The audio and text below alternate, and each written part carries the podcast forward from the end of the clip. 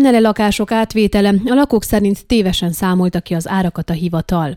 November elején jelent meg az Annele lakások eladási árának kiszámolását szabályozó törvény alkalmazási módszertana. Az új számítás szerint számos városban a 2019-es árakhoz közeli összegekért esetenként még azoknál is olcsóbban jutottak hozzá lakásokhoz azoknak addigi bérlői. Azt is megírtuk, hogy a Székelyudvarhelyi városvezetés decemberre ígérte az új árak kiközlését, végül ez januárra maradt. Az idei első tanácsülésen Vencel Attila Székelyudvarhelyi főjegyző elmondta, külön kell kezelni a 2003-ban és a 2010-ben épült tömbházak lakrészeinek árait, ahol az előbbiek esetében azok egyértelműen alacsonyabbak lettek a számítást követően.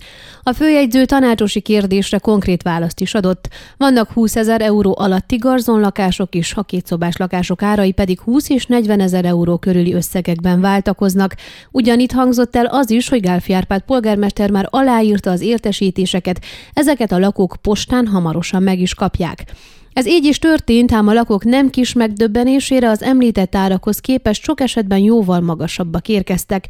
Különösen az újonnan építetteknél nagy az eltérés, hiszen van például közel 61 ezer eurós is köztük, ez esetben csupán mintegy 2000 euróval lett alacsonyabb az ár, mint a 2020-as számítási módszer szerinti.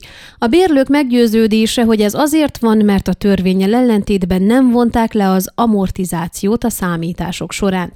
Megkeresésünkre Vencel Attila közölte, hogy az amortizációs összeget valóban nem vonták le. Az értesítésben szereplő a befizetett bérek értékére és az amortizáció levonására vonatkozó mondata normatíva a vonatkozó jogi előírás szövegéből került át, ezt hamarosan pontosítani fogják.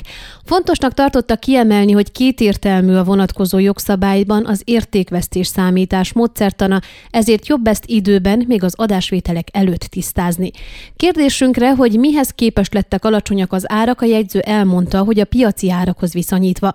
Megjegyzésünkre, miszerint az ifjúsági lakások árát törvény szabályozza, és nem az aktuális piaci helyzet, a jegyző elmondta, annak örvendenének a leginkább, ha minél alacsonyabb áron adhatnák el, de a törvény vonatkozó paragrafusa félreérthető, amiből idővel jogi problémák adódhatnak. A félreértések elkerülésért pontosítást is kértek az Aneletől, hogy a befizetett bérek összegéből származó értéken kívül a lineáris amortizáció kombinációt is le kell levonni, vagy mindkettőt, esetleg a kettő kombinációját. A válaszban viszont csak annyi állt, hogy a törvénynek megfelelően kell eljárni, vagyis helyi szinten továbbra sem tisztázódott a helyzet.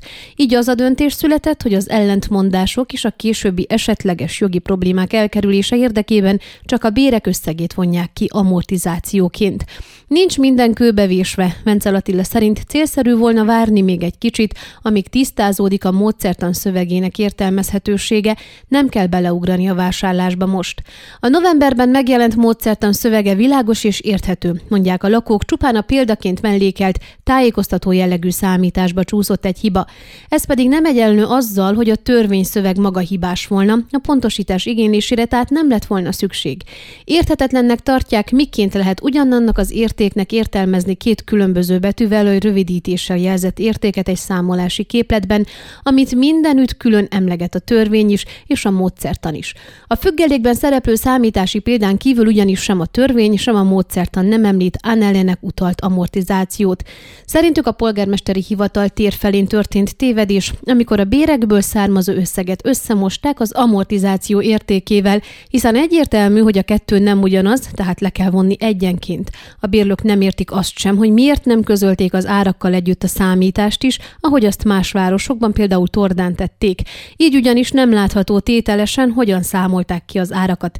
Mencel Attila elmondta, hogy ezt ki fogják küldeni a lakóknak. Ön a Székelyhon aktuális podcastjét hallgatta. Amennyiben nem akar lemaradni a régió életéről a jövőben sem, akkor iratkozzon fel a csatornára, vagy keresse podcast műsorainkat a székelyhon.pro portálon.